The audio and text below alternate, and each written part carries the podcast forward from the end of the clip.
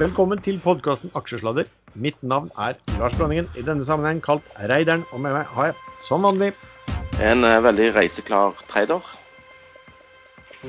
Og som vanlig Jallakongen Erlend Henriksen. Og sistemann har eh, som vanlig eh, vår eh, velkjente disclaimer klart for seg. Dere må gjerne høre på oss, men ikke gjør som oss. Vi er totalt uansvarlige hvis dere gjør det. Vi gir ingen råd dersom du hører på hva vi sier her om markedet. Aksjer, enkeltaksjer og livet for øvrig er ansvaret helt og holdent ditt eget. Det vi sier i programmet kan eh, være rett og slett feil.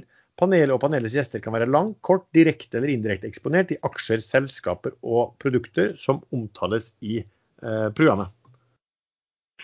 Men det kan også hende at vi sier noe riktig innimellom. Ja. Eller kan vi, vi kan også oppsummere det som, som det sto i en, i en eh, godt lest artikkel i Finansavisen eh, her i uken, eh, hvor en kommenterte fremstillingen som at det var en noenlunde unøyaktig fremstilling av saken. Det er kanskje der vi er. Det er helt perfekt.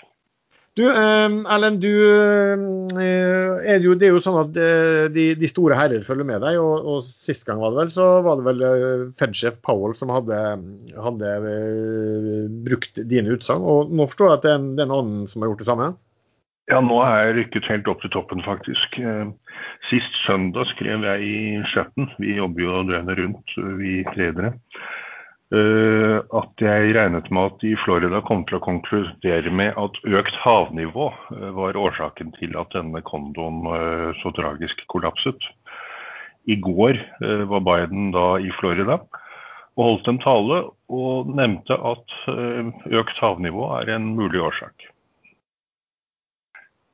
Så da vet Ja. jeg ikke hvor, hvor man neste gang det, Da må jeg enda høyere opp, og hvor er det? Liksom? Nei, det Det er vanskelig å toppe. Ja. Det må, det, må være du, det må være du som siterer det selv, da, i så fall. Paven kan jo kanskje toppe det. Paven eller eh, en ayatollah i Iran. Det kan du, Du- vi får se. Du, Det kan jeg si det. Etter den gangen hvor vi to eh, til, var på eh, utenlandstur sammen, og det tilfeldigvis viste seg at eh, paven dukket opp med den der Playmobilen sin, kom kjørende i gata. For, og du satt vel på terrassen og vinka til den med, med vin og jeg, liksom- hadde jo, jeg bodde jo da på Kempinski, som var akkurat ved kjøreruten, så jeg hadde jo Jeg ble faktisk oppgradert til eh, et rom eh, med utsikt mot den veien, fordi eh, jeg hadde vært gjest der flere ganger, og de ville være sikre på at ikke terrorister eh, bodde på den siden. Så alle ukjente ble flyttet på andre siden av hotellet, og jeg var da på framsiden. Og da var jeg kanskje jeg var vel to etasjer over og fem meter eh, fra paven. Så jeg sto der og vinket til ham, men eh, jeg, jeg vet ikke om jeg har nevnt det før, det er jeg helt sikkert. Eh, Jeg hadde bare skjorte på meg, ellers ingenting. Men eh, det, det, det leder meg over til et annet tema. Hvorfor heter det der som du må ta ut av krabbe, krabbeskjellet, paven? Jeg har aldri skjønt det. Men fortsett du, Erlend. Nei, jeg var jo egentlig ferdig, men jeg, eh, med alle disse korgudssakene i den katolske kirken, så var det egentlig på sin plass å eh, protestere litt. Nei, jeg vet ikke, eh, Sven. Protestere og protestere der du står med vinglasset i hånda og litt dårlig, dårlig påkledd nedentil. Jeg vet ikke om det er Ja, det jeg ikke tenkte på, var jo at det var balkonger over meg òg.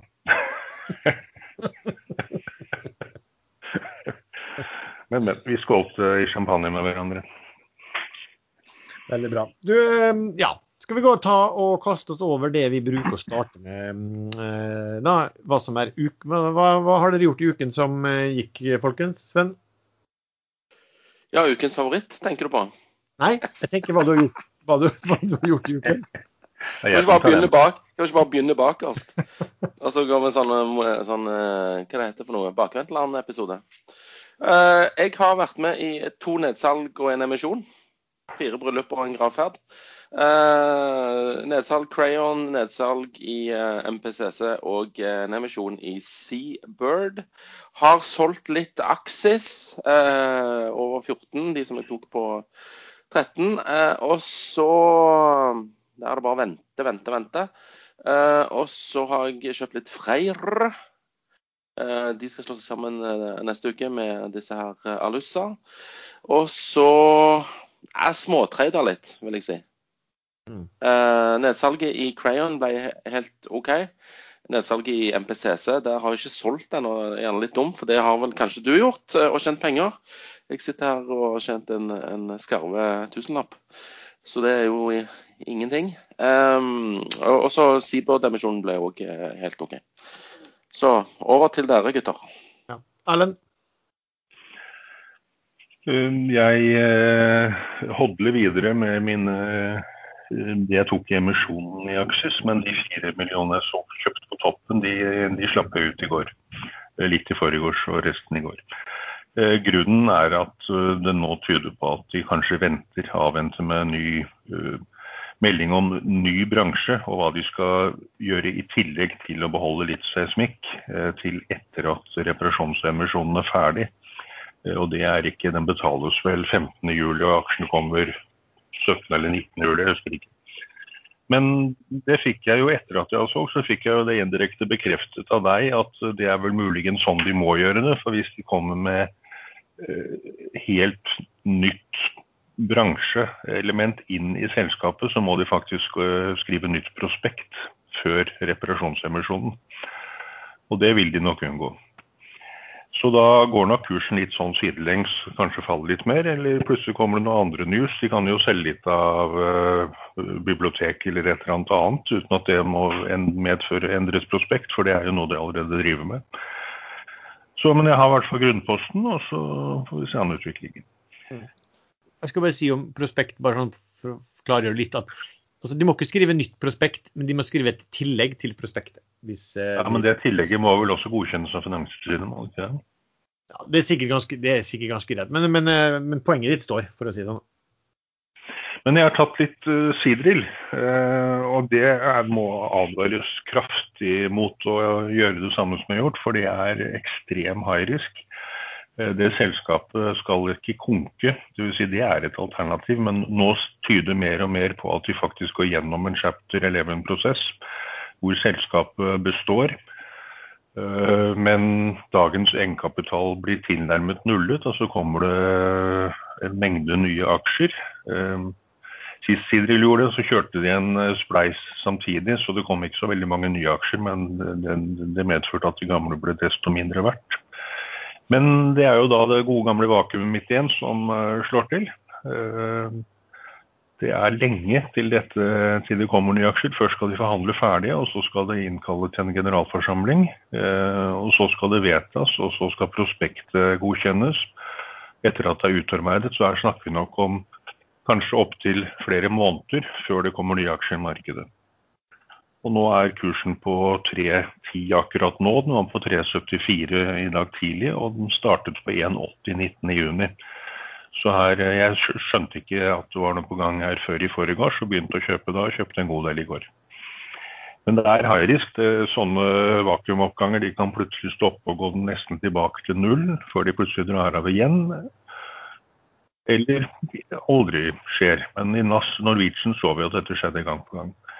Men det er alltid en mulighet for at det kommer en matching holdt eh, når som helst på døgnet i en sånn aksje, hvor aksjen, handelen i aksjen stoppes helt fram til alt er klart.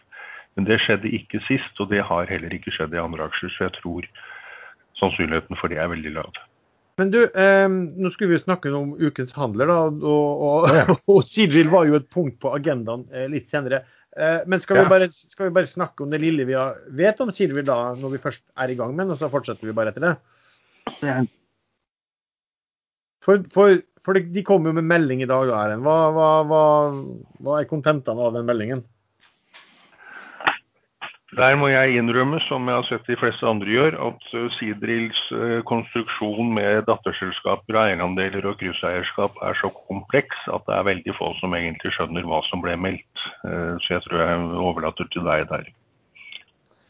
Ja, og det, og det er jo ikke så lett. fordi de, de kommer med en, en veldig komplisert melding. Og så er det en sånn melding at hvis du ikke er fullt innsatt i eh, selskapet fra før og gjeldssituasjonen, så, så eh, er det jo egentlig ingenting. altså Da skjønner du jo egentlig ingenting.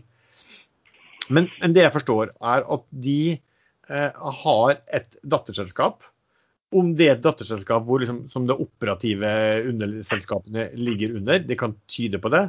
Um, så, og det de gjør da på dette selskapet, er at eh, långiverne, eller dvs. Si visse sikrede långivere, og det står da ingenting om hvor mange sikrede långivere som ikke er med på dette her, eller usikrede långivere eller banker eller hva som helst.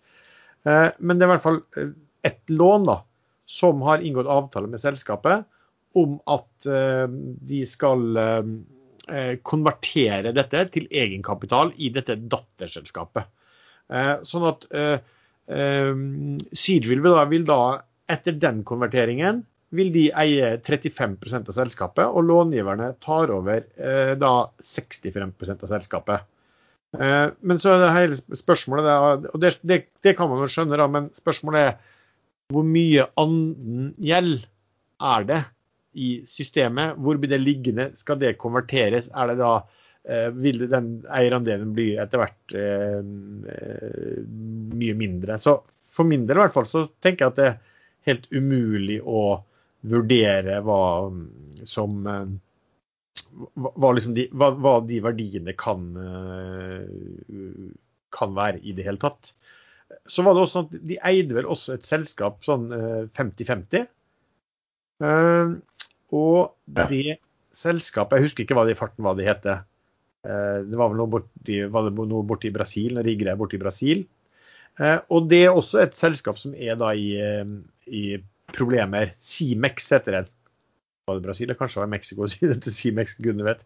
Men i alle fall så er det sånn at dette nye selskapet da, som långiverne nå går inn og tar kontroll på, de skal tydeligvis da kjøpe Cimex, eller om det er da 50% av Cimex fort. Eh, og på en måte mot, eh, mot, gjeld de måtte ha der også.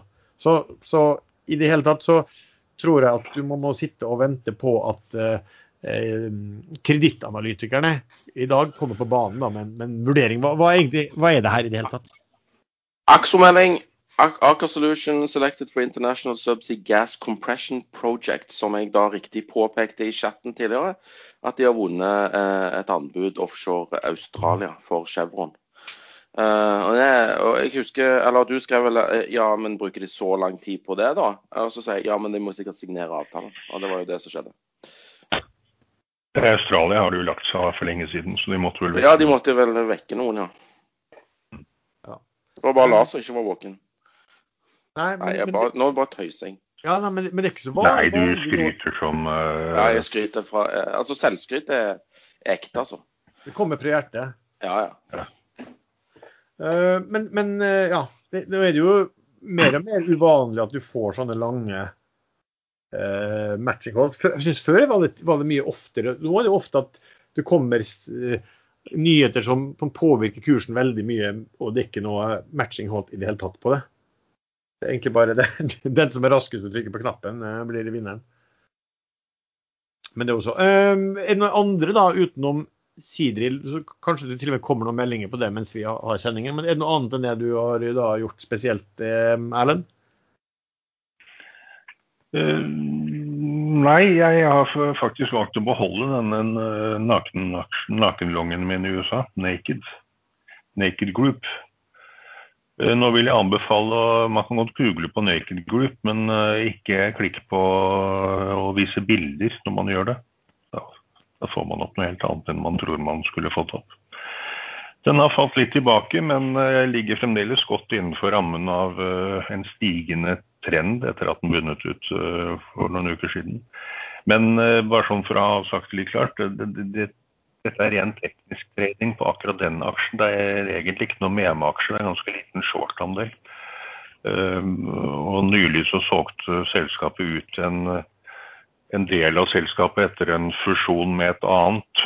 Uh, det var vel den innfusjonerte delen de solgte ut, var noe jeg husker ikke. Men spiller ingen rolle, men det var ledelsen selv som kjøpte det, det de skilte ut, med penger de lånte av selskapet. Så dette er sånn det lukter sånn typisk USA eh, small nanocap eh, scam-opplegg, hvor det egentlig da verdiene ble skilt ut, og ledelsen sikret seg dem med penger de lånte av eget selskap. Uh, og så beholder de dritten. Men eh, sånne tekniske utbundinger de er ganske morsomme. Og den har eh, det sist gikk den vel til 3,40, eh, og nå ligger den på 0,60 i dollar. Så hvor den gjentar seg ofte. Men jeg har forstått at det er, et, eh, det er en aksje som står, ligger ditt hjerte nær. og det, Ut fra beskrivelsen her, så er det kanskje pga. Tikker, tikkerkoden? Jeg kjøpte før jeg googlet, men Eh, men de har jo da som alltid i USA, så hvis du ligger under én dollar, så får du eh, varsel fra, eh, fra børsmyndighetene om at kursen må komme seg over en dollar. De har penny-aksjer for lenge i markedet. Men det er ikke før i oktober eller noe sånt, så jeg tror det kommer til å skje litt ideale meldinger før det. It's a sign, it's a sign, skrek Erlend når han så tikkerkoden og kjøpte. Er det sånn? Ja, man, man må øh, følge øh, Nei, jeg tror jeg stopper der, jeg. jeg er enig. Skal vi se, For min del ikke gjort så mye. Det har vært litt andre ting. Det er jo dere to som er de aktive trederne også. Ehm, jeg tror jeg gjorde noe som, var, som Sven var med på også. Kast, Harmony Chain kan vi snakke om litt senere. Den kollapset jo. Kasta med en token trade. Den fortsetter jo bare å skli ned, så den er ute av det med et lite tap. Ehm, og så har jeg i dag kjøpt eh, tank, altså Hunter Group jeg kjøpt i dag. Um, ellers har det vært eh, ja, noen smågreier her og der, men, men egentlig i det store og hele eh, rimelig stille. Eh, sånn sett.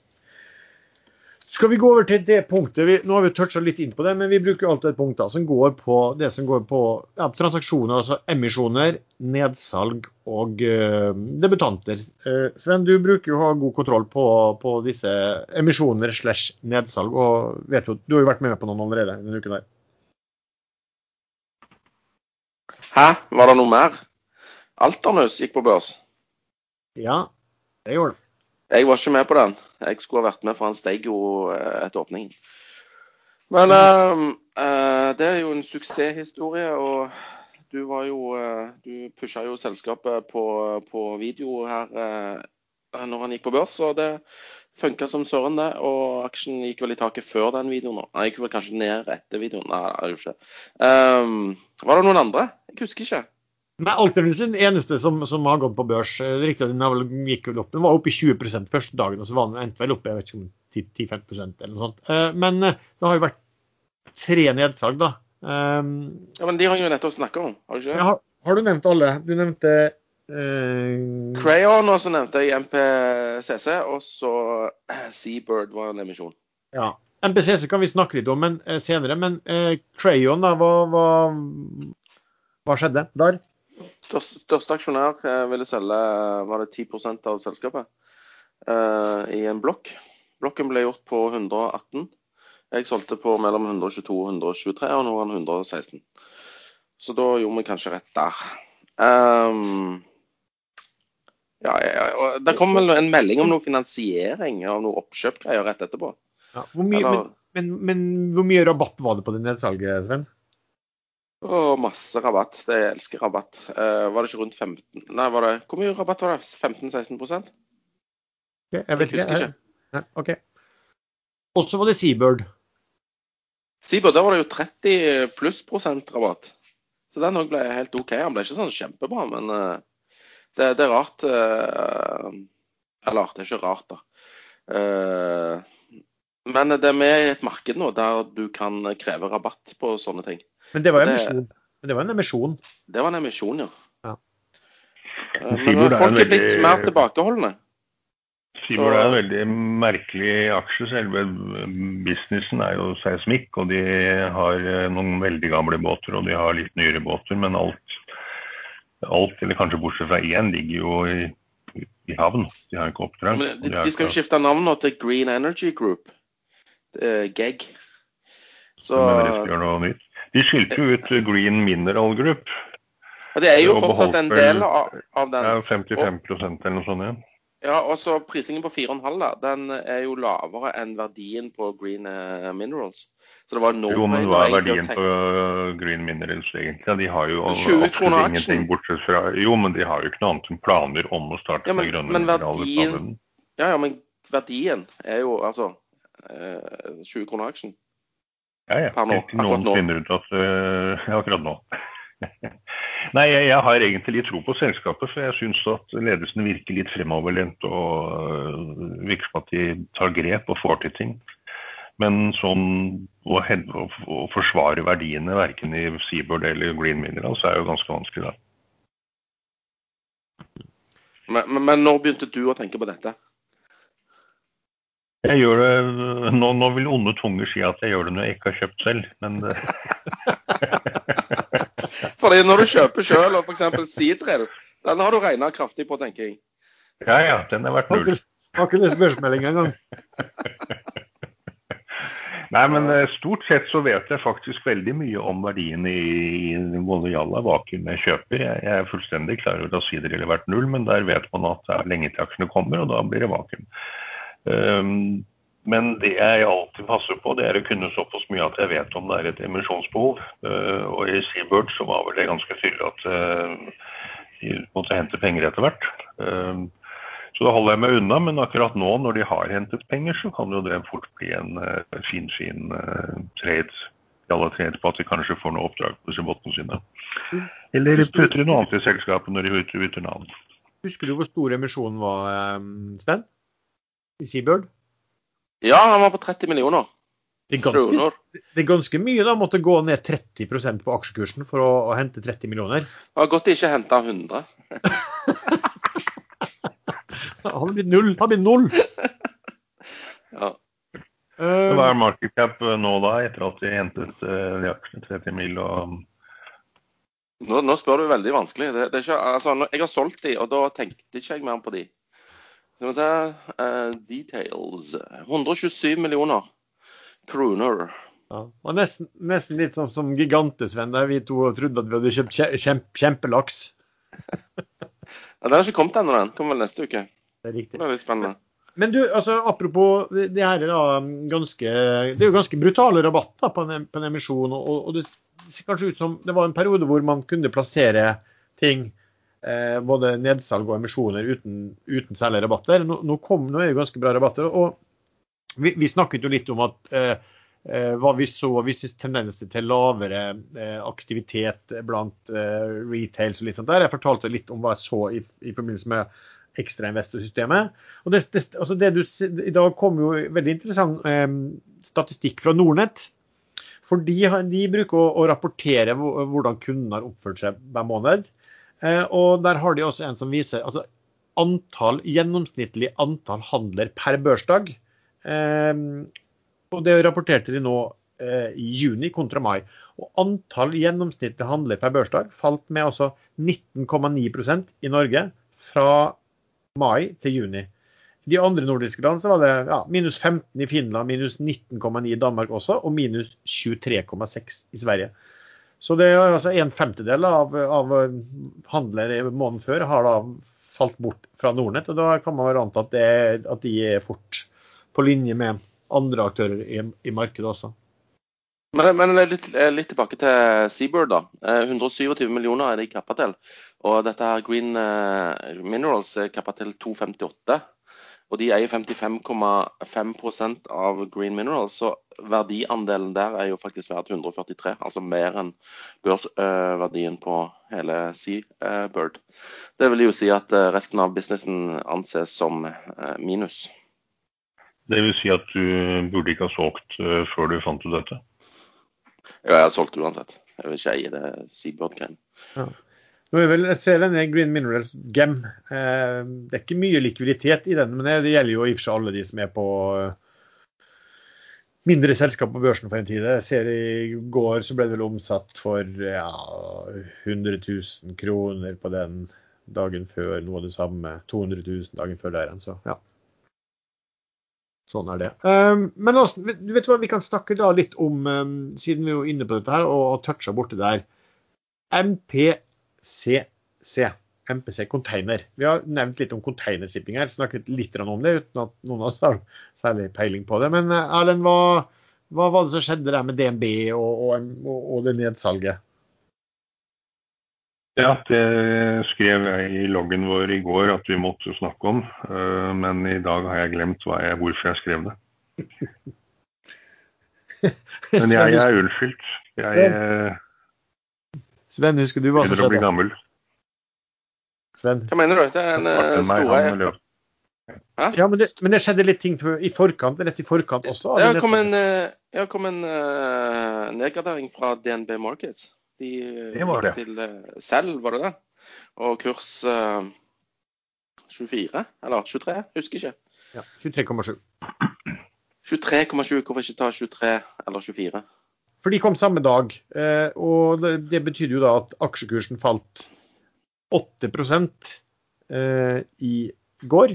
Og etter børs da, så kom da noen storeiere og eh, ville selge en del aksjer i, i selskapet. Tror, du, tror du, Sven, at de, de, ble litt skremt av at eh, DNB, som er en ganske stor shippingbank, og som mange hører på når det gjelder shipping, at, at de nedgraderte og tenkte at nå, nå, må vi kaste oss og få gjort dette her? Aksjen kom fra én krone, og de var sikkert med på emisjonen der og redde selskapet. Så de har jo tjent uh, graps med å, og vært med på den uh, emisjonen. Så eh, det rykka vel litt i, i uh, salgsfingeren, eller salgstrangen.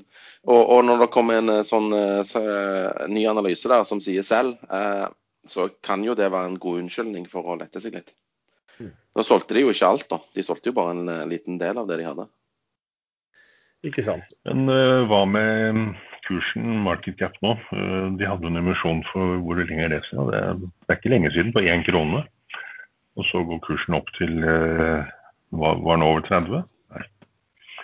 Men uansett, den har gått 3000, eh, nesten 3000 prosent, Og det har blitt en åpenbart sånn norsk memestokk hvor alt fra unge studenter til husmødre og drosjesjåfører og bussjåfører og middagsgjester anbefaler aksjen og sier at den må man bare kjøpe. Så da er det jo veldig fort gjort at den egentlig er kraftig overvurdert akkurat nå. Ja, altså vi tjener jo fenomenale penger akkurat nå, da, disse containerskipene. Spørsmålet er bare og, og, veldig mange av, av meglerhusene har jo måttet oppjustert. Altså, når DNB da kom og nedgraderte de til salg eh, i går, så oppjusterte de jo kursmålet sitt fra 16 til 23,7. Så de, de, de, altså de, har hengt veldig bak, da, kan du si. Så de måtte altså øke kursmålet sitt med 50% og så må de, måtte, måtte de nedgradere det til salg. For kursen har bare gått og gått på at du har sett sånne enormt fantastiske rater. Og, og det har jo også vært snakk om at du begynner å få liksom lengre rater, og hvor lenge dette her kan, eh, kan vare. Um, ja, men uh, det er jo, dette er jo shipping, uh, og hvis man skal putte sidrill i shipping-skuffen, som man strekker litt langt, så hadde jo de rate på 800 000 dollar, og plutselig så var det under 100 000 dollar om dagen. Så ting snur ekstremt fort, i, i, spesielt i shipping. Og Grunnen til at container går så bra, er jo om korona, så ble det noen flaskehalser. Og så hadde Kina plutselig sikret seg nesten alle ledige containere i hele verden. og De bød over alle andre på ledige containere. Og nesten alle containerskip i verden gikk i rute mellom andre land og Kina. Og da, da, gjelder det samme som på råvarer. Den dagen Kina uh, sier at nå har vi fått nok, uh, så bråstopper det. Og det går ekstremt fort. Ja. Eh, for, for, men for litt av det, det vi toucha innpå her, var vel at containershipping at covid har medført at uh, befolkningen da, har egentlig fått mer penger mellom hendene. Og de har ikke kunnet brukt det på så mye, så de har brukt det på å kjøpe varer. Uh, og de varene blir jo fraktet ofte med um, containerskip. Så, så det, du hadde liksom en i hvert fall en, en, en, midlertidig, hvor lenge det varer, men en midlertidig sånn skifte da, i, i, etterspørselen eh, etter eh, blant varer og tjenester, som har, eh, som, som har kommet containershipping-segmentet ekstremt til gode også. Så var det vel den viktigste havnen i, en av de viktigste havnene i verden, i Sør-Kina, som da ble nedstengt nå nylig pga. Oppblomstring av korona igjen i Sør-Kina. Og den er visstnok nå i ferd med å åpnes. og Jeg må innrømme at jeg kan ikke nok om sammenhengene til hvordan eh, prisene på frakt går opp og ned når sånt skjer, men her har vel da prisene gått opp da den var stengt. Og da vil det si at når den åpnes igjen, så tar det bare en viss tid, og så vil det vel bli motsatt. Men dette kan jeg ikke nok om. Men det er eh, intet tre vokser inn i himmelen, som det heter. Før eller siden så snur sånn, og da snur det ganske brått. Og da skal man helst ikke sitte som bagholder igjen på veien ned. Jeg, jeg, tror det var en som siterte, jeg lurer på om det som, som skrev i chatten på Ekstrainvestor om uh, han Peter Lynch, het han, som var forvalter. Jeg tror det var han som han skrev hadde, hadde sagt noe om type, type, råvarer, da, og shipping er jo på mange måter råvarer, det også. At du skal kjøpe de selskapene når, når prisene eller ratene da er, går fra eh, elendig til dårlig. Du skal som eier når de går fra dårlig til gode. Eh, men når de går fra gode til fantastiske, da skal du selge de. Eh, og det er jo eh, For min del så har det aldri vært liksom som har investert mye i shipping sånn sett. For det er, litt sånn vanskelig. Så når nøkkeltallene ser veldig bra ut inntjeningsmessig, det er jo nesten da noen ser at du, du da, da, da, skal du selge, for det kan tyde, da tyder jo på at du, du, er på fantastisk, og at som du nevnte, Erlend, at de ratene kan altså gå fra de, de, kan, de, kan, gå til en tiendedel eh, i løpet av kort tid. Eh, det skjedde jo i tank her i fjor. Tankrat nå er jo på vei sky high. og Eneste tankselskap jeg kjenner til sånn i farten på Oslo Børs, det er jo Hunter Group. Og kursen var vel oppe i, på sekstallet i hvert fall, og nå er den vel rundt tretallet igjen. Der gikk jo tankratene sky high og raste ned til nesten ingenting på kun et par uker. Så, så, så lenge. Sånn fra flere hundre tusen dollar ned til 8000 dollar, tror jeg det var på det laveste på dagsratene. Det er klart, Da er det ingen som tjener penger. Men de som sitter nærmest shippingmarkedet, er jo skipsmeglerne. Eh, og det er såpass mange av dem, og de kjenner såpass mange, så det er veldig mange som sitter med informasjon lenge før vi får det i børsmeldinger eller leser det i, i avisene eller andre steder.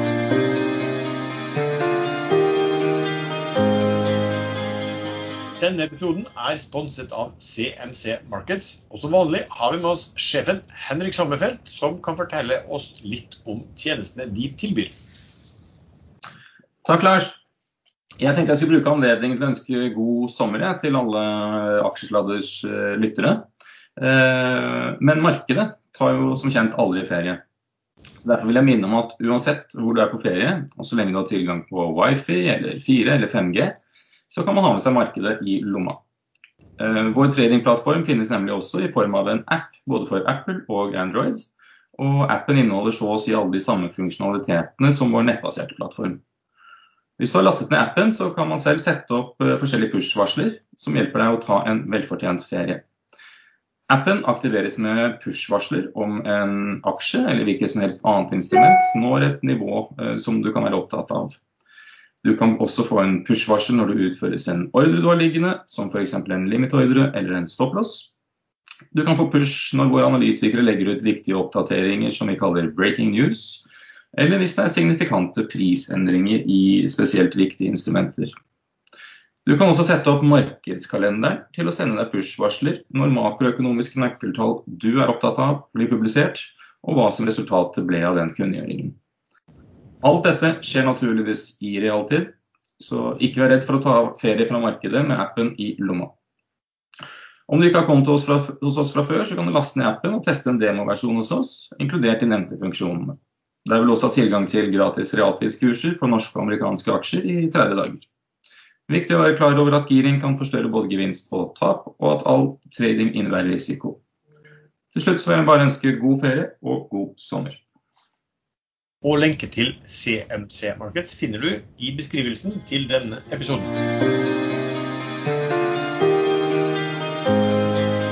OK, um, skal vi se andre ting som har skjedd her, da. Vi, nå toucha vi inn på, Jeg toucha inn på det navnet i forbindelse med at jeg hadde treida litt der. Uh, Sven, hva var Harmony-fadesen? Hva, hva, har skjedd i det selskapet som har kollapsa på børsen?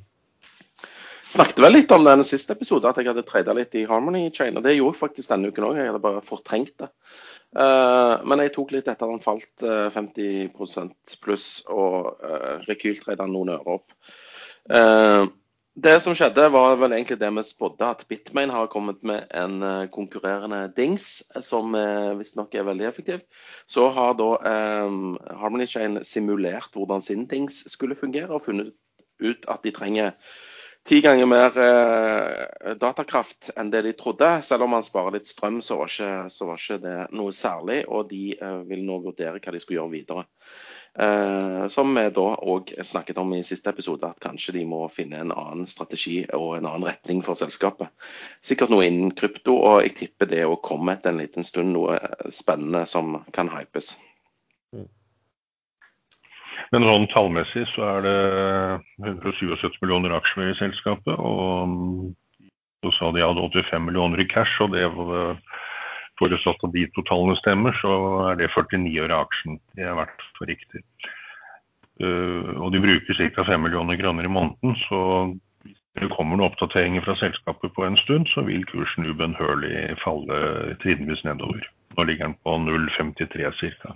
Da var rundt 0,60 den stoppet på etter den første børsmeldingen. Ja, Men de bruker vel ikke altså Det er kanskje litt færre å si at de bruker det. Jeg så den børsmeldingen så sa de at de hadde 10 millioner kroner i kostnader det neste um, halve året. Halve året, ja. Men også hadde de 20 millioner kroner i kostnader hvis de skulle fortsette å kjøre på på denne chip-biten. da. Så, så, så, når du sier at, at, det faller bort, så er det sånn at hvis, man, må, man, man, må, jo anta at hvis de finner ut at de eh, skal bruke 20 millioner eh, på den chipen det neste, eh, neste halvåret, så er det i hvert fall at, har i hvert fall de en forventning om at det en, eh, kan, kan, gi en god verdi. Da. Sånn, ja, men hvis de, ikke, hvis, de, hvis de børsmelder at de ikke skal gjøre det, eh, da har de et gigaproblem hvis de ikke samtidig eller i forkant har kommet med melding om ny innmat i selskapet. Ja. Altså, de, de, kom jo da med melding eh, Vi hadde jo gjort litt narr av dem. fordi at de først så kom de jo med en, en uh, melding om dette her, og den, den, publiserte de klokka halv tolv på en kveld. Og det er jo sånn at For de som følger med på Newsweb, der man går inn og ser børsmeldinger, så er det jo sånn at det, det som vises der, er jo hvis du ikke begynner å søke, det er jo dagens meldinger. Det betyr at hvis du publiserer noen ting da 23.59, så ligger den på det, det, som folk, altså, lett tilgjengelig for folk da, i to minutter. Og så er det ny dag. Og da er det bare meldinger fra eh, dagen før som ligger sånn åpent, hvis du ikke må begynne å søke, søke på dato eller på, um, på selskap. Så, men så kom det jo da med en sånn oppfølger eh, neste ettermiddag, eh, hvor det egentlig fortalte eh, litt om hvor mye penger de hadde igjen, og, og, og, litt om hva de tenkte. Det som var litt interessant, er jo at de det, det, som blir viktig når, du er sånn her, det er jo at du er disiplinert i hva du forteller. Eh, og eh, avisene tok vel kontakt da med han som var um, gründer og styreleder, og tok kontakt med CEO. Og de sa bare at de har ikke noen kommentar, de leser børsmeldingen. Men så var det jo da, de har jo fått med seg en sånn uh, handelshøyskoleprofessor. Eh, og han var jo ute og plapra litt, da. Ehm, og sa vel et eller annet at dette var bare en del av hva de holdt på med, og det var blokkjede som gjaldt. og sånn, og Det var ikke så godt å skjønne hva, hva anti de hadde som var verdi. Det er ikke sikkert for den saks skyld at han helt skjønte det heller. Men uh, for å være slem, da, så, så, så, skjønte han vel egentlig ikke at uh, når du sitter som et vanlig styremedlem og det er sendt ut en så viktig melding, og når toppsjefen og styreleder uh, ikke vil uttale seg og henvise til melding, så bør du kanskje gjøre akkurat det samme selv. Men hva, ja, hva, hva tror du da, Erlend, om, om, om den framover? Jeg har ikke noen sterke formeninger om det. det de må enten få til den uh, mining-maskinen sin så den blir konkurransedyktig, eller så må de finne på noe ut. Det blir bare vill tipping. De har vel vært rimelig kritisk til det selskapet her også, siden de slet med å komme på noe De slet til med å komme seg med på, på da Merkur, eller som heter Growth nå. Sånn sett, og du, du, har jo ikke vært sånn veldig bull på det du heller, eh, Sven, akkurat, selv om, du, selv om det går an å trade på? Alt kan trades. Ikke sant. Um, OK. Um, da har vi Altså, um, nå snakket vi jo vi litt om DNB, og at de kom med en analyse, og så gikk det noen timer, og så ble det nedsalg i MPCC. Vi har fått egentlig ganske godt spørsmål her da, fra et, en, en, lytter uh, om, om, dette med meglerhus og analyse. Altså, hva, hvordan, settes, hvordan setter man egentlig sånn etter deres forståelse, hvordan setter man et kursmål fra meglerhuset? Du som analytiker bør jo kunne dette her eh, bedre enn meg. Men eh, jeg eh, de neddiskonterer, neddiskonterer fremtidige inntekter, og så finner de en nåverdi av det. Og så setter de et kursmål tolv måneder fram i tid basert på de tallene. Tror jeg. Men jeg har ikke vært analytiker sånn som noen andre i panelet har vært. Hva, hva, men, hva, nei, men hva, tror du de gjør, Erlend? Bortsett fra fingrene i været og tenke på et tall? Eh, nei, de, de har jo tilgang til mye data, selvfølgelig, så de regner på det de har. Men så legger de inn en god del antakelser og forutsetninger eh, som ikke alltid slår til. Sven sa jo dette her med å, å regne cashflow og neddiskutere sånn sett også. Nå, nå har jeg jo snakket med en del analytikere på det, og, og også meglerhus, og de, altså de, er ikke så veldig bestemte på om dette er tolv måneder fram i tid eller seks måneder fram i tid. Det, det, som har blitt en trend, kan jeg si på der, det er at kursmålene fra meglerhus eh, ikke eh, Eller slett ikke nødvendig er hva de mener aksjen bør være verdt. De setter kursmål etter hva de tror, hvor de tror aksjen kommer til å gå. Og Det har vært litt sånn, min, litt sånn irritasjon overfor Melbus. Jeg vil vite hva de syns aksjen er verdt, ikke om de tror at noen kommer til å pushe den aksjen opp 200 de neste eh, tre måneder. Interessant det også, men, det er nesten litt mer sånn meglerjobb eh, å skulle anta noen ting om kurs utenom det fundamentale. Det også. Men eh, et annet spørsmål er, hva tror jeg du sikkert kan svare på da, Sven, i den forbindelse, men hva avgjør om de tar opp analysedekning? Det er vel veldig sannsynlig at de har gjort et corporate-oppdrag for selskapet uh, in uh, the first place. Nummer to er, er aksjen veldig uh, mye omsatt på børsen. Da er det naturlig å ta opp dek dekning, for du har masse kunder som handler eller har lyst til å handle i aksjen, og de trenger litt guiding på hva er det de kjøper og hva er det verdt. Og nummer tre, eh, fremtidige corporate-oppdrag eh, skal eh, tildeles. Og Da er det jo kult å ha dekning på aksjen og være med i loddtrekningen om å få bli med på transaksjonen. Tror jeg. Mm. Er det sånn du forstår det også, Erlend? Ja, jeg støtter Sven der. Når et meglerhus tar opp dekning på et selskap som ikke er sånn veldig likvid, og det, og de heller ikke tydeligvis har gjort noe og har vært rådgivere før, eh, da er det mange som begynner å tenke at OK, eh, det er fordi at de vet at det skal skje et eller annet. Kanskje det selskapet skal gjøre emisjon. Og så vil det meglerhuset posisjonere seg for det. og så kan man hyle og skrike om disse Chinese walls, at det skal være, altså det skal være stengte avdelinger mellom de som jobber med kapitalinnhenting og uh, og analyse. Men analytikerne er ikke dummere de heller enn at, eh, å vite at eh, ja, uten corporate-inntekter så blir det heller ikke noen gode analytikerlønninger heller. Japanese walls, ikke Chinese walls. Japanese walls er som kjent laget av papir. Ja, og det er derfor det heter Chinese walls i meglerhus, selv om det er Japanese walls. Eller uh, Fibo Trespo. Jeg tror vi mener det samme. Men eh, til, den som spør om dette, det som er, er, viktig å ta med seg nå, er at det øker på med betalte analyser. Altså Analysedekningen blant børsnoterte selskap eh, faller og faller over hele Europa og i Norge også. Um, og det um, betyr da at de for å få analyse går Da, da har meglerhusene begynt å tilby uh, å gi analyser mot betaling. Og det kan jo være, Noen kan jo være, eh, gjøre det på en seriøs måte. Så finnes det andre, og gjerne utenlandske, som gjør det på en veldig useriøs måte. Ved å bare skrive en analyse og så, og så dunke opp et eller annet voldsomt kursmål på det. Men, men, det er i hvert fall eh, viktig å tenke på at det kan man sjekke etter også på analysen. Der vil, vil det stå om dette er en, eh, en eh, analyse som selskapet har betalt for. Hva tror dere om hvilke bransjer vil outperforme og underperforme i, ut året? Eh, enkelt. Reiseliv og turisme vil outperforme. Men ikke gjerne på aksjekurser. Men selve bransjene vil få en liten boost. Um, er du sikker? Jeg er jo ikke sikker, men jeg føler jo sjøl på dette reise, reiselysten. Etter planen så Ja, ja. Nei, altså, tror du det blir så gale? Det blir mer og mer vaksinerte. Og til slutt så er jo alle vaksinert om eh, noen måneder. Rundt forbi i den vestlige verden. Så selvfølgelig blir det mer reising og mer eh, arrangementer og ut på byen og hei og hå. Så eh, nei, det, jeg tror ikke på noe annet enn det. Uh, underperforming det, det, må jo være videokonferanser da, kanskje. At det blir litt mindre av det. Selv om vi har fått en ny trend. altså uh, Roadshows og presentasjoner og sånn. Det er jo mye mer effektivt å gjøre det via videokonferanse enn å reise rundt uh, fysisk.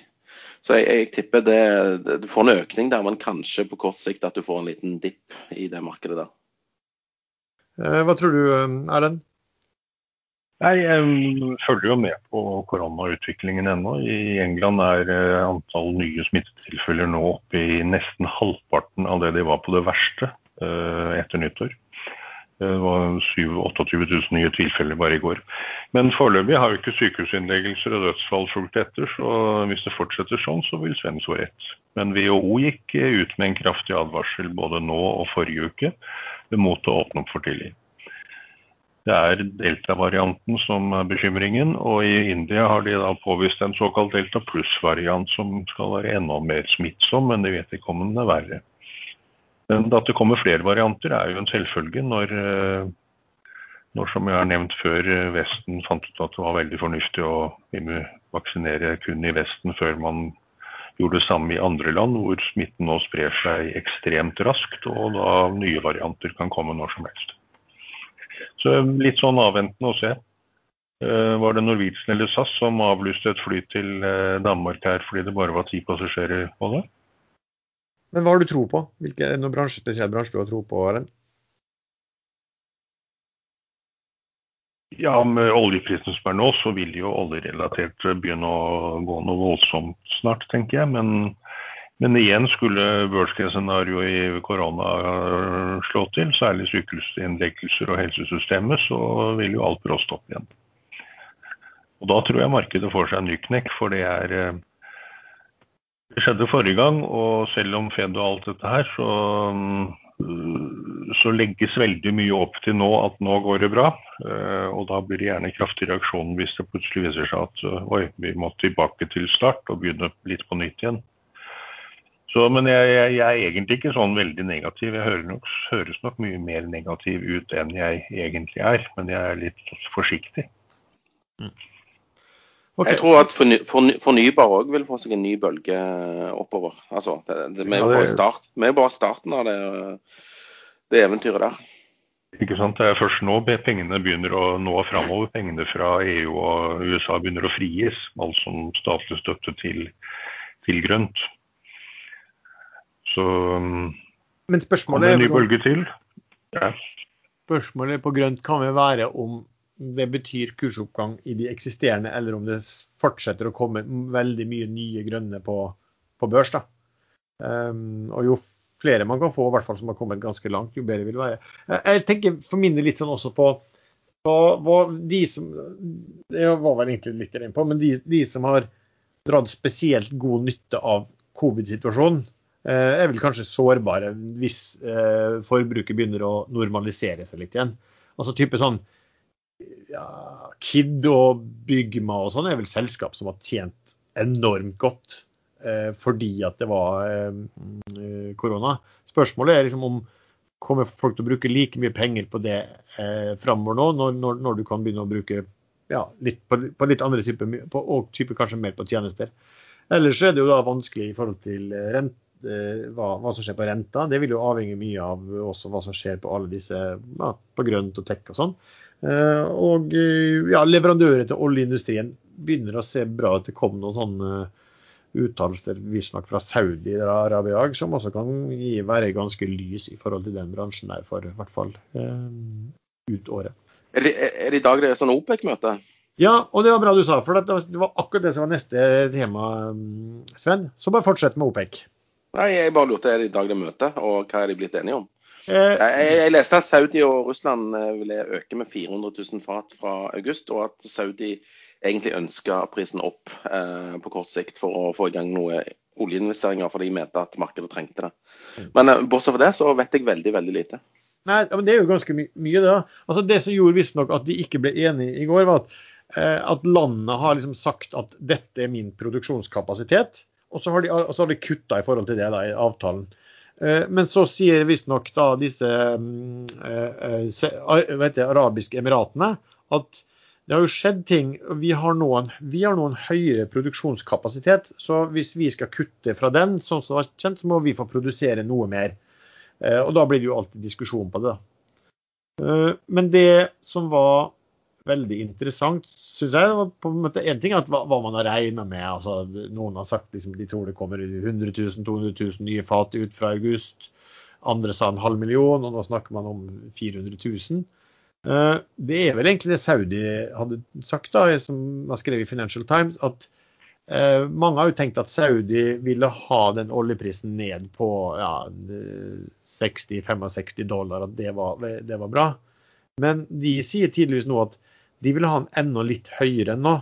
Eh, og det er fordi at eh, Om det er riktig, eller om de bare spiller for galleriet, men, men det er jo klart En ting er at de da får, får mer inntekter i, i landet sitt, men hvis, altså, hvis, hvis de mener at det investeres for lite i ny oljeproduksjon, eh, og det, det er vel det de sier de gjør, så må de ha oljeprisen opp, enda litt opp, for at det skal eh, gjøres.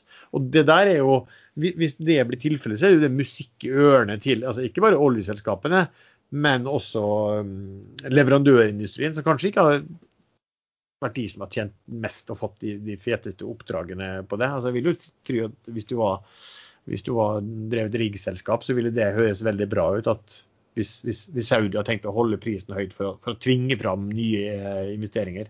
Altså, årsaken er at et oljefelt vil alltid ha en decline. Det, altså, det blir mindre hva du kan få ut av det over tid, og da, den, må, den må erstattes.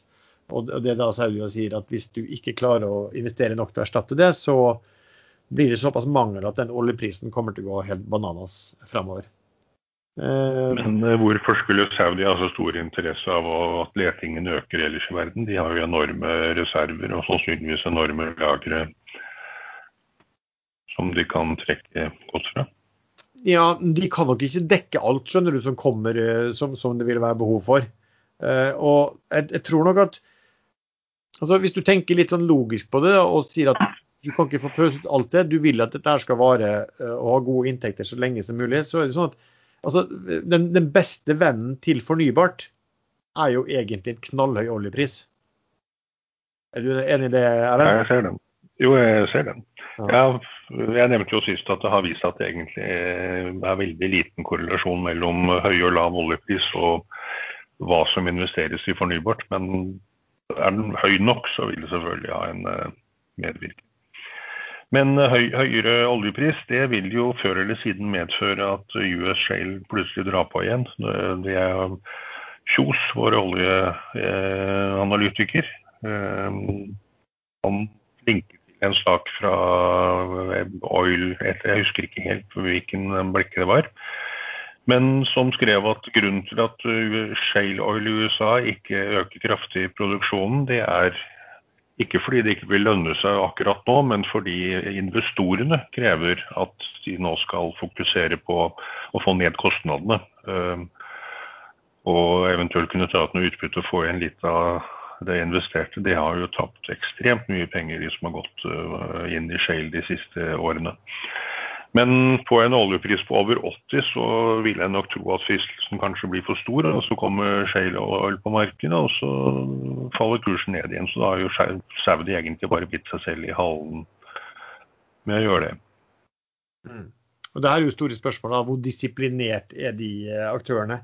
Hittil ser det ut som de er ganske disiplinerte.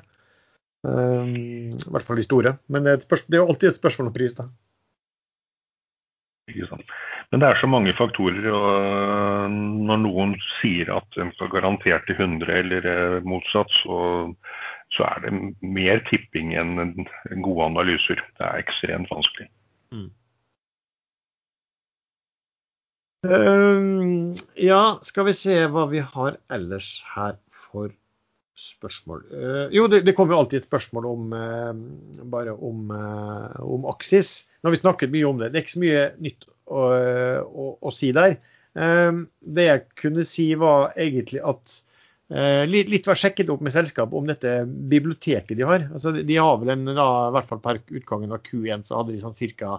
17 øre i bokførte verdier, og så hadde de litt skjulte i ja, mulig skattebruk. Eh, men av disse da, De har da et, et multiklientbibliotek, eh, altså seismikkbibliotek som de har selger til kundene, som er på en 34 mil, hvorav 24 millioner av dette er på Utsira-høyden. Eh, og det jeg sjekket, var da at de har nedskrevet dette Utsira-biblioteket sitt med 53 millioner. Sånn at eh, så noenlunde så var investeringen da på, på 77 mm, millioner dollar.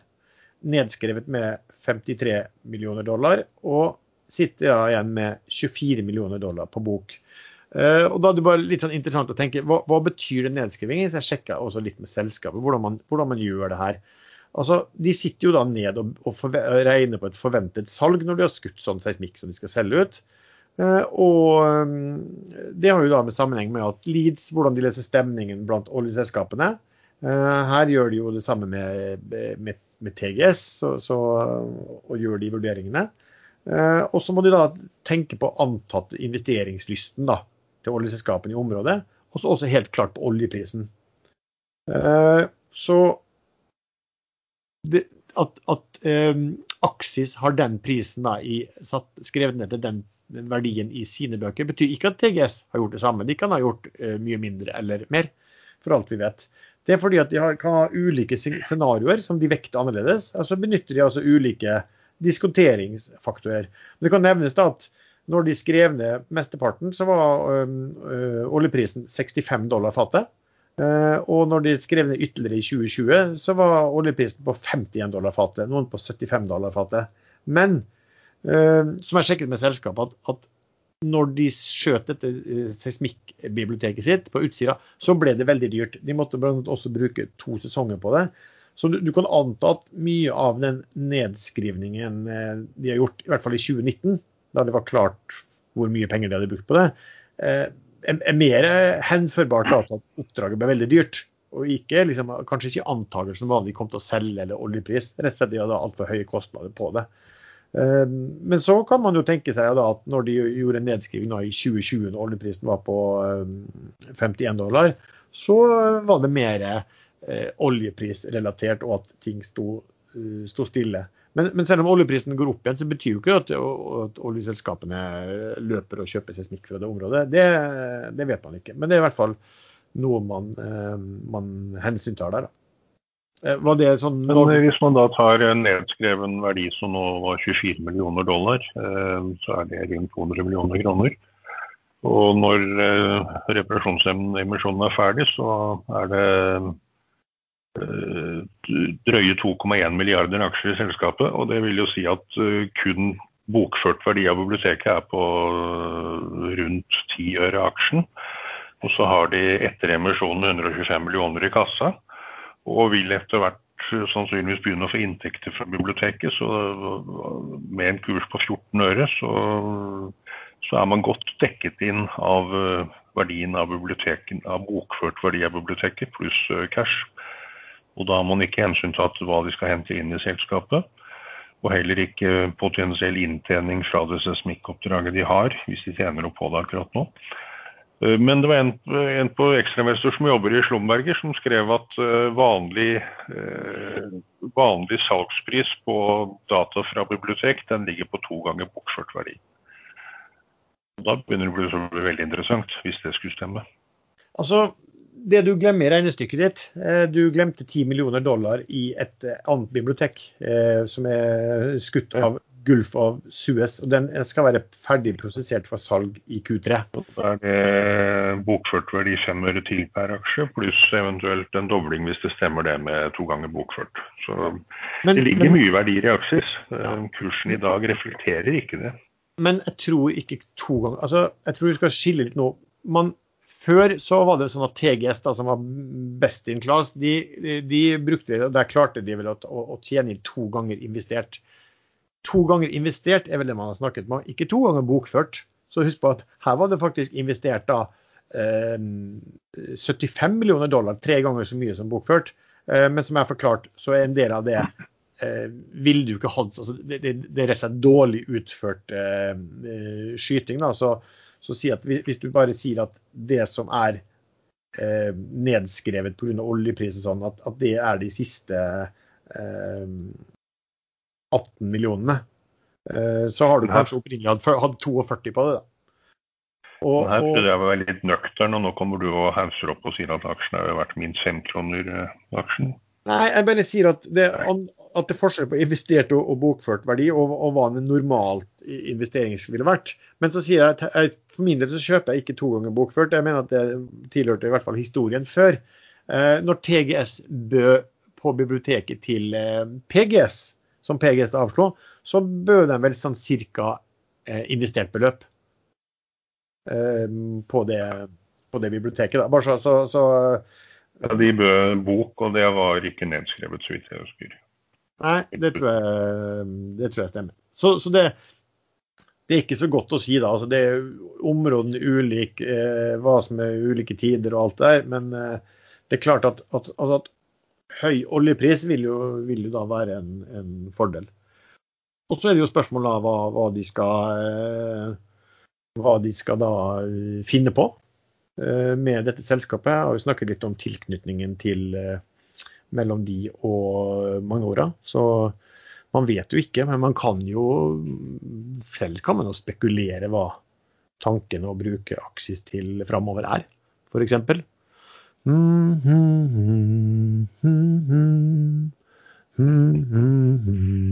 Er det, er det vuggesang du kommer med nå? Ja, nå løsna ørevoksen min her. ja, jeg hadde ikke hørt, hadde ikke hørt fra Sven, veldig Hæ? jeg hadde ikke hørt fra Sven i siste, så jeg tenkte jeg skulle, skulle nynne på en sånn Byssan Lull til han. Ja, for sånn at jeg Jeg skulle sovne. det var så kjedelig, vet du. I disse dager skilles Wow Green Metals ut som selvstendig selskap fra Wow ASA, går på børs med første handelsdag omkring mandag 12. juli. Tidligere i år hentet Wow ASA 230 millioner kroner i ny egenkapital, bl.a. for å kapitalisere opp Wow Green Metals. Wow Green Metals ble etablert av Wow for å akselerere det grønne skiftet og avkarbonisering av metallurgisk industri.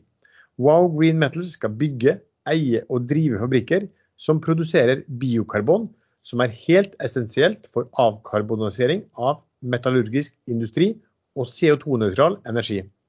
Produksjon av metaller krever i dag store mengder fossilt kull, som kan erstattes av biokarbon produsert av Wow Green Metals.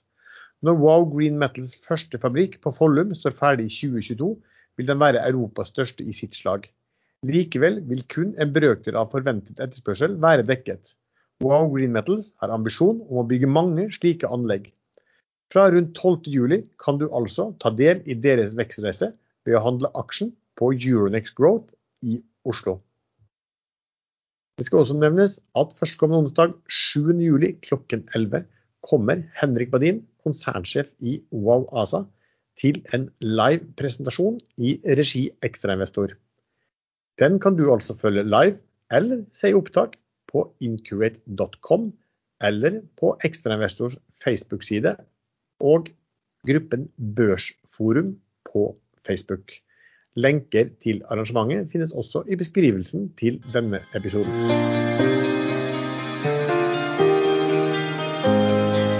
Freyr, Sven. Den kjenner du til? Freyr. Ja, det er batterifabrikk. Fremtiden eh, ligger i batterier, tydeligvis. Så da, um, Generalforsamlingen i Alussa, som er dette amerikansk noterte Nasdaq-selskapet, Alussa Energy, de vedtok her forleden at de skal slå seg sammen Eller aksjonærene vedtok i generalforsamlingen at de skal slå seg sammen med Freyr. Og at den nye tikkeren blir FREY og FREYW for warrantene. Fra torsdag i neste uke. Så jeg kjøpte Jeg satt og fulgte med på denne generalforsamlingen. Gikk live på nett. Selv om jeg ikke var aksjonær. Bortsett fra i Freyr, som jeg hadde kjøpt to minutter før. Så når den ble banka gjennom, så bare måkte jeg inn aksjer på 13,25 og 13,30. Så nå driver jeg og selger de på 14,40, da. Jeg har vel solgt nesten halvparten. Så det ble en rask, rask gevinst der. Jeg kan ikke så veldig mye mer om det enn at de skal bygge gigabatterifabrikker rundt omkring. Og at batterifabrikker er fremtiden, og politikerne jubler i kor for at dette skal har de, fått, har de fått løst problemet med norsk produksjon av batterier og EU-12 på norsk eh, produksjon? Det ordner seg, det gjør det alltid. Er vel tanken der. Det løser seg. Uh, men i dag er siste dag, inklusive rett til å få aksjer i dette vindprosjektet de òg har. Jeg tror ikke det er så stor verdi i det, så det er derfor jeg selger i dag. Ja. Men har nå har det altså um, Alussa Energy, som da er slags reverse takeover, det, det er jo en spakk? En spakk. En spakk. Men har de nå eh, eh, trada de i går eh, et, var det etter at det var formelt besluttet den samgåenden? Eller at de ja, det er, to, det er to, to dager siden de beslutta det. Det er to børsdager siden. Ja. Sånn at Han har egentlig falt fra rundt 10 når de beslutta det, ned til 9,30 nå, denne lusseren. Så det, det tilsvarer vel en sånn 14 1420 eller noe sånt på, på Freyr. da. Men Freyr inneholder òg uh, denne vindbiten som skilles ut i et eget selskap og gis til eksisterende aksjonærer per i dag. Mm, bra. Så du så, det du så var at det var du, litt En, en, en arbitrasje. Yep. En slags arbitrasje. Så jeg spurte etter Alussa-aksjer og shorte, så kunne jeg lokka inn og solgt de på 10, og så nå er de 9,30. Så hadde jeg jo kjent der òg. Men jeg fikk ikke tak i. Så jeg var uh, kun long uh, Freyr. Uh, artig å si Freyr, og ikke Freyr. Ja. Stakkars amerikanere, da. Eller kanskje de sier Fryer. Det høres ut som noe du steiker pommes frites. Ja. De har en del rare navn i USA også, for å si det sånn. Så. Ja, men eh, det var vel alt jeg kunne om den. Eh, det blir sikkert kjempebra og arbeidsplasser i, i millionklassen rundt forbi i hele verden. Du, annen ting, Sven. Eh, du blir jo kalt for Slem Egil rundt omkring også på, eh, på nettet. Eh, selvfølgelig. Vel, det er vel egentlig et navn jeg har gitt meg sjøl, når jeg tenker meg om. Ja, du har det, men det, mange har jo, har jo bitt seg merke i Det det. er Altså. en selverkjennelse. Ja. Men jeg ser jo også ungene gråt hver dag, så ble det slemme Egil. Men jeg ser jo at du har prøvd, altså du har liksom klart å trekke med deg sikkert Erlend noen ganger og meg også, og vi blir liksom trukket med i den. og Jeg registrerte det var noen som posta på Ekstremester at, her var det noen som har vært inne sånn på, på noen Facebook-grupper og fortalte at eh, nå hadde da eh, den kjære Sven Egil som sto der, og Lars hadde vært inne da og kjøpt MPCC på 22 kroner. Så nå kom det til å bli noen voldsom pump and dump uh, på, den, på den framover. Uh, har du satt i gang og pumpa som bare juling nå, Sven? Hæ? Nei, jeg gjør ikke sånn. Eh, jeg, solgte den der MPCC-en som jeg fikk til. Jeg fikk tildelt hele 12 000 aksjer nedsalget, fra nedsalget i går. Og jeg tok fem øre i gevinst der. Det, dekker vel ikke kurtasjen engang. Når, når Pål Ringvold var her, eh, Sven, så hadde vi jo en prat, og du, og du har jo slengt deg litt med på det, det du også, Erlend, om, eh, om hvem som vinner fotball-EM. For Da begynner vi å nærme oss eh, ting her. og hva, hvordan, hvordan, hvordan lå det an med deg, eh, ditt tips da, Sven? Nei, jeg tippa jo på det beste laget, men de røyk jo eh, dessverre ut. Det var Portugal. Jeg Husker ikke hvem de tapte mot, men eh, det var et av de Var det Belgia, vel? Ja, Belgia, Ja. Belgia, ja. Som eh, Ringholm eh, Ufortjent. skulle vinne. Ufortjent òg. Ja, det var ufortjent og urettferdig og alt det der. der. Men det nytter ikke å skrike urettferdig. Det, tallene taler for seg sjøl. De, de, de, Belgia vant. Mm. Så da er de ute. Og så slo jo Sveits ut Frankrike, så da er du òg ute, Lars. Ja. Vi røyk vel i samme runde, egentlig. Vi gjorde det. Eh, Men var det noe, så dere den straffekonken til eh, som eh, Frankrike røyk ut på? For den var veldig spesiell. Så dere den? Ja, jeg så den, men Ja. det var bare spesielt. Det var Det var bare Mbappé som bomma. ja, det var det. Men det var greit. Men la du merke til hva altså, Jeg har aldri sett en, en sånn oppførsel før. Hva, så du hva de fire første straffesparktakerne til Frankrike gjorde? Og hva Mbappé ikke gjorde? Nei. Jeg så det. Så du hva det var, Erlend? De, de tok seg god tid, la ballen gå til rette og øh, brukte øh, den tiden de kunne og skjøt. Mens han Bappa han tok ballen, la den ned og skjøt med en gang. Mm. Det er riktig. Han, jeg tror han sto han, eh, han, han, eh, han Pogbast var vel først, tror jeg. Og han sto ca. ti sekunder etter at dommeren hadde blåst og bare sto stille. Og der var det faktisk en sånn jeg Skal ikke snakke alt fotball, men det er litt interessant. For det var en sånn eh, forsker på dette her, og som var en sånn psykolog også. De hadde gjort sånn, eh, gått gjennom veldig mange straffespark som viser at hvis du tok deg før du skøyt, så økte sjansene dine for å skåre. Eh, og det ble forklart liksom at i en sånn straffekonk der så har du nesten sånn fight and flight. Du- er litt lite rasjonell i hodet ditt, men hvis du tar deg litt ekstra tid, så eh, roer du litt ned, og så du, føler du at du har litt mer kontroll over situasjonen. Mens han Bappe han eh, hadde tydeligvis enten hadde han hoppa over det, eller fikk, hadde helt panikk og, og glemt hva han hadde blitt lært. Fordi de andre var helt åpenbart tillært av at dette skulle gjøre. Så han la ned ballen og så sprang bak og dundra til og ja, bomma. Men Erlend, du er jo da sist det var eh, EM eller VM, så var det jo noen psykologer og forskere og hva de nå kalte seg, som påstod at hvis, man, hvis den som eh, tok straffe, trippet i oppløpet, da bommet de ofte. Så her tror jeg man kan finne ut det meste. hvis man... Jeg husker straffesparkene til han eh, hva heter han for noe? David Beckham. eh, Da, han skjøt ut England av en eller annen, eh, et eller annet VM eller EM. De gikk vel sånn ca. 15 meter over eller på siden av mål. Ja, man er jo stressa. da. Det er jo en kjempestressa situasjon, selvfølgelig. Den, ja, å stå der. Og da kan du fort skyte mye hardere enn du tror ellers. sånn. Ikke sant. Men øh, jo, jeg skrev på i chatten Jeg følger jo veldig lite med på fotball, og, men jeg tipper masse. Eh, og da mener jeg at det er bare en for, forse, en fordel for meg at jeg ikke kan noe særlig om lagene, for da har jeg ikke noen favoritter. Og da tipper jeg mer riktig enn andre som tipper på favorittene sine. Men jeg skrev da i chatten at England vinner dette EM. Dette er ikke noe mer å diskutere. Og hvilket lag er det som er igjen i EM nå, eh, av de lagene dere og jeg tippet på? Uh, nei, men nå husker vi ingenting. Nei. Men jeg satte ikke noe penger på det. Men hadde jeg gjort det, så hadde de selvfølgelig ikke vunnet. Så jo, England vinner EM. Jeg fikk jo litt problem på hjemmebane, da, det må jo nevnes, for mine barn er alle halvt tyske. Og når jeg da sa før, eh, før det var sikkert at England skulle spille mot eh, Tyskland, eh, at England vinner, da var jeg ikke sånn veldig populær hjemme. Da jeg fikk rett. Jeg tipper de møter, møter Belgia i finalen. Og så vinner Belgia på straffer. Helt ufortjent. Danmark er jo Nei, nei, nei.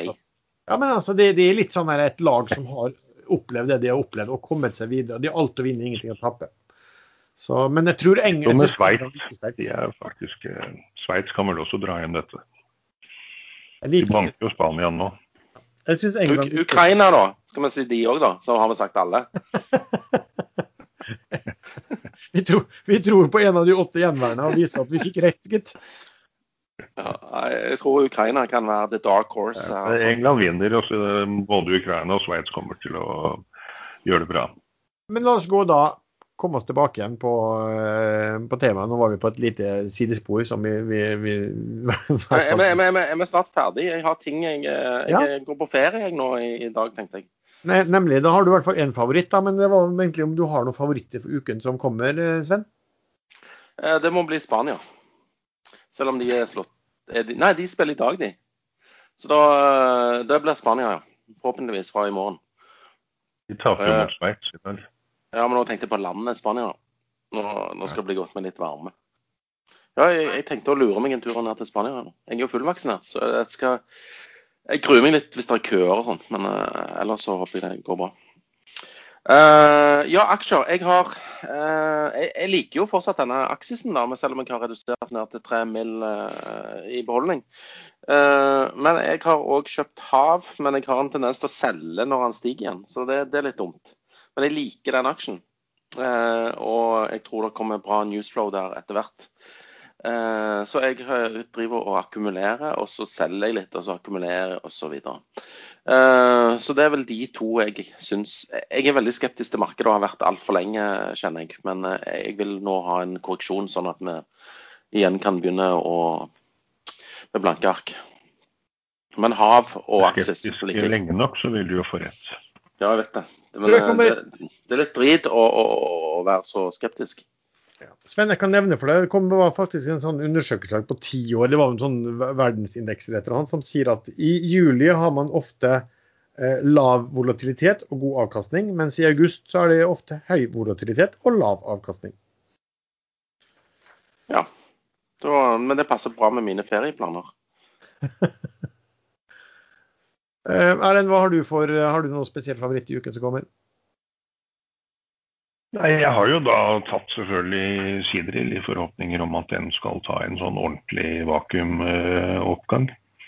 Og den øh, dagens høyeste kurs på 2,74, det, det må man tilbake til 19.8 i fjor for å finne tilsvarende. Og da skal man ikke lenger tilbake enn 30.07, øh, 20 dager før. Øh, Så var kursen på 5,62.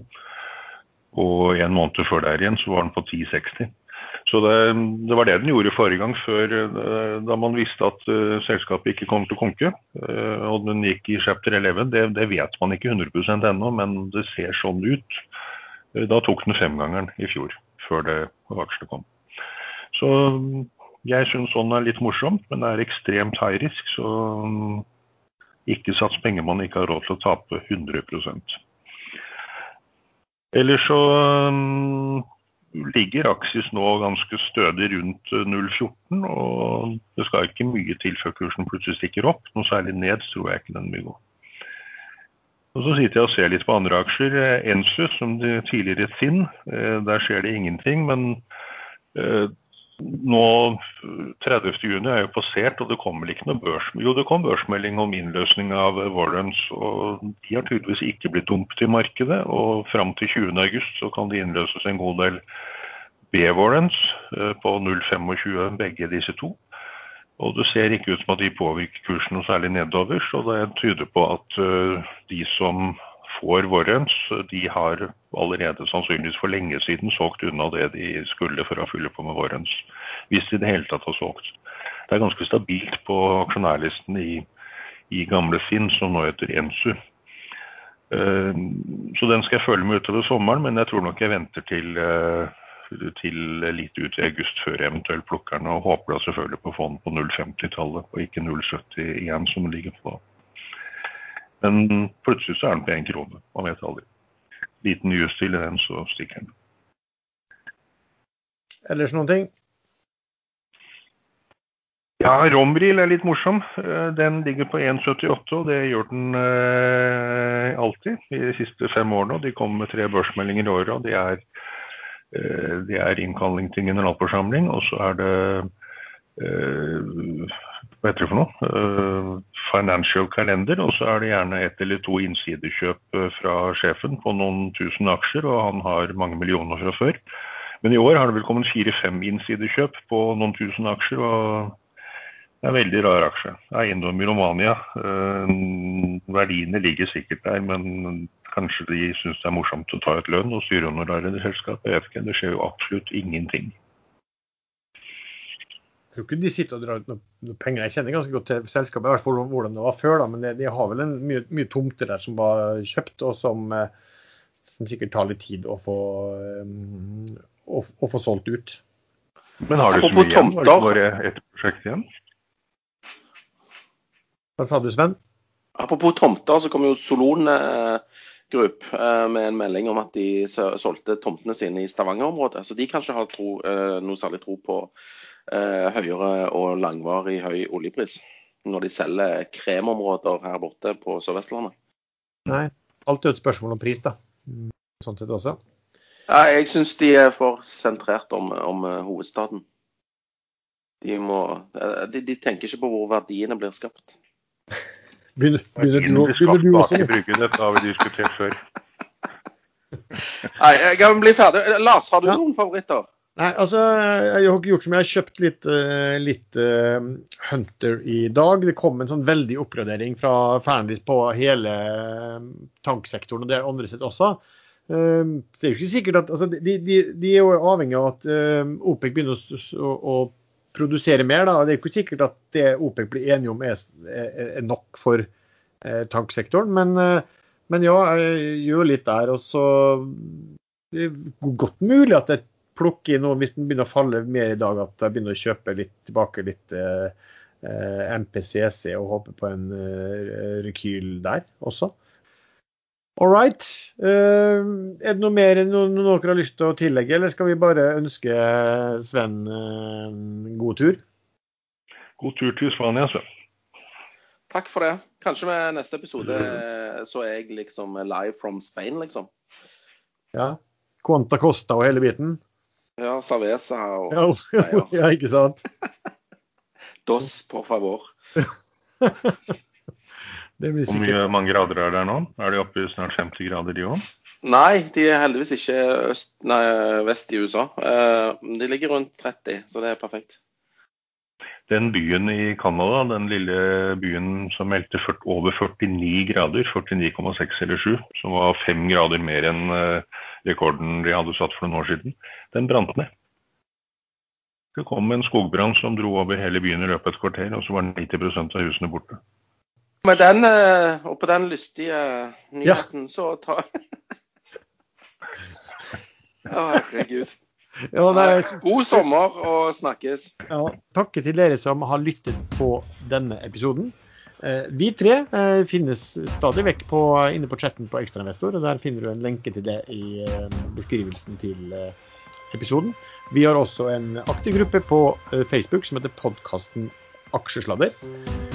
Musikken er laget som vanlig av sjazz.com, og så håper vi at du lytter til oss også i neste episode.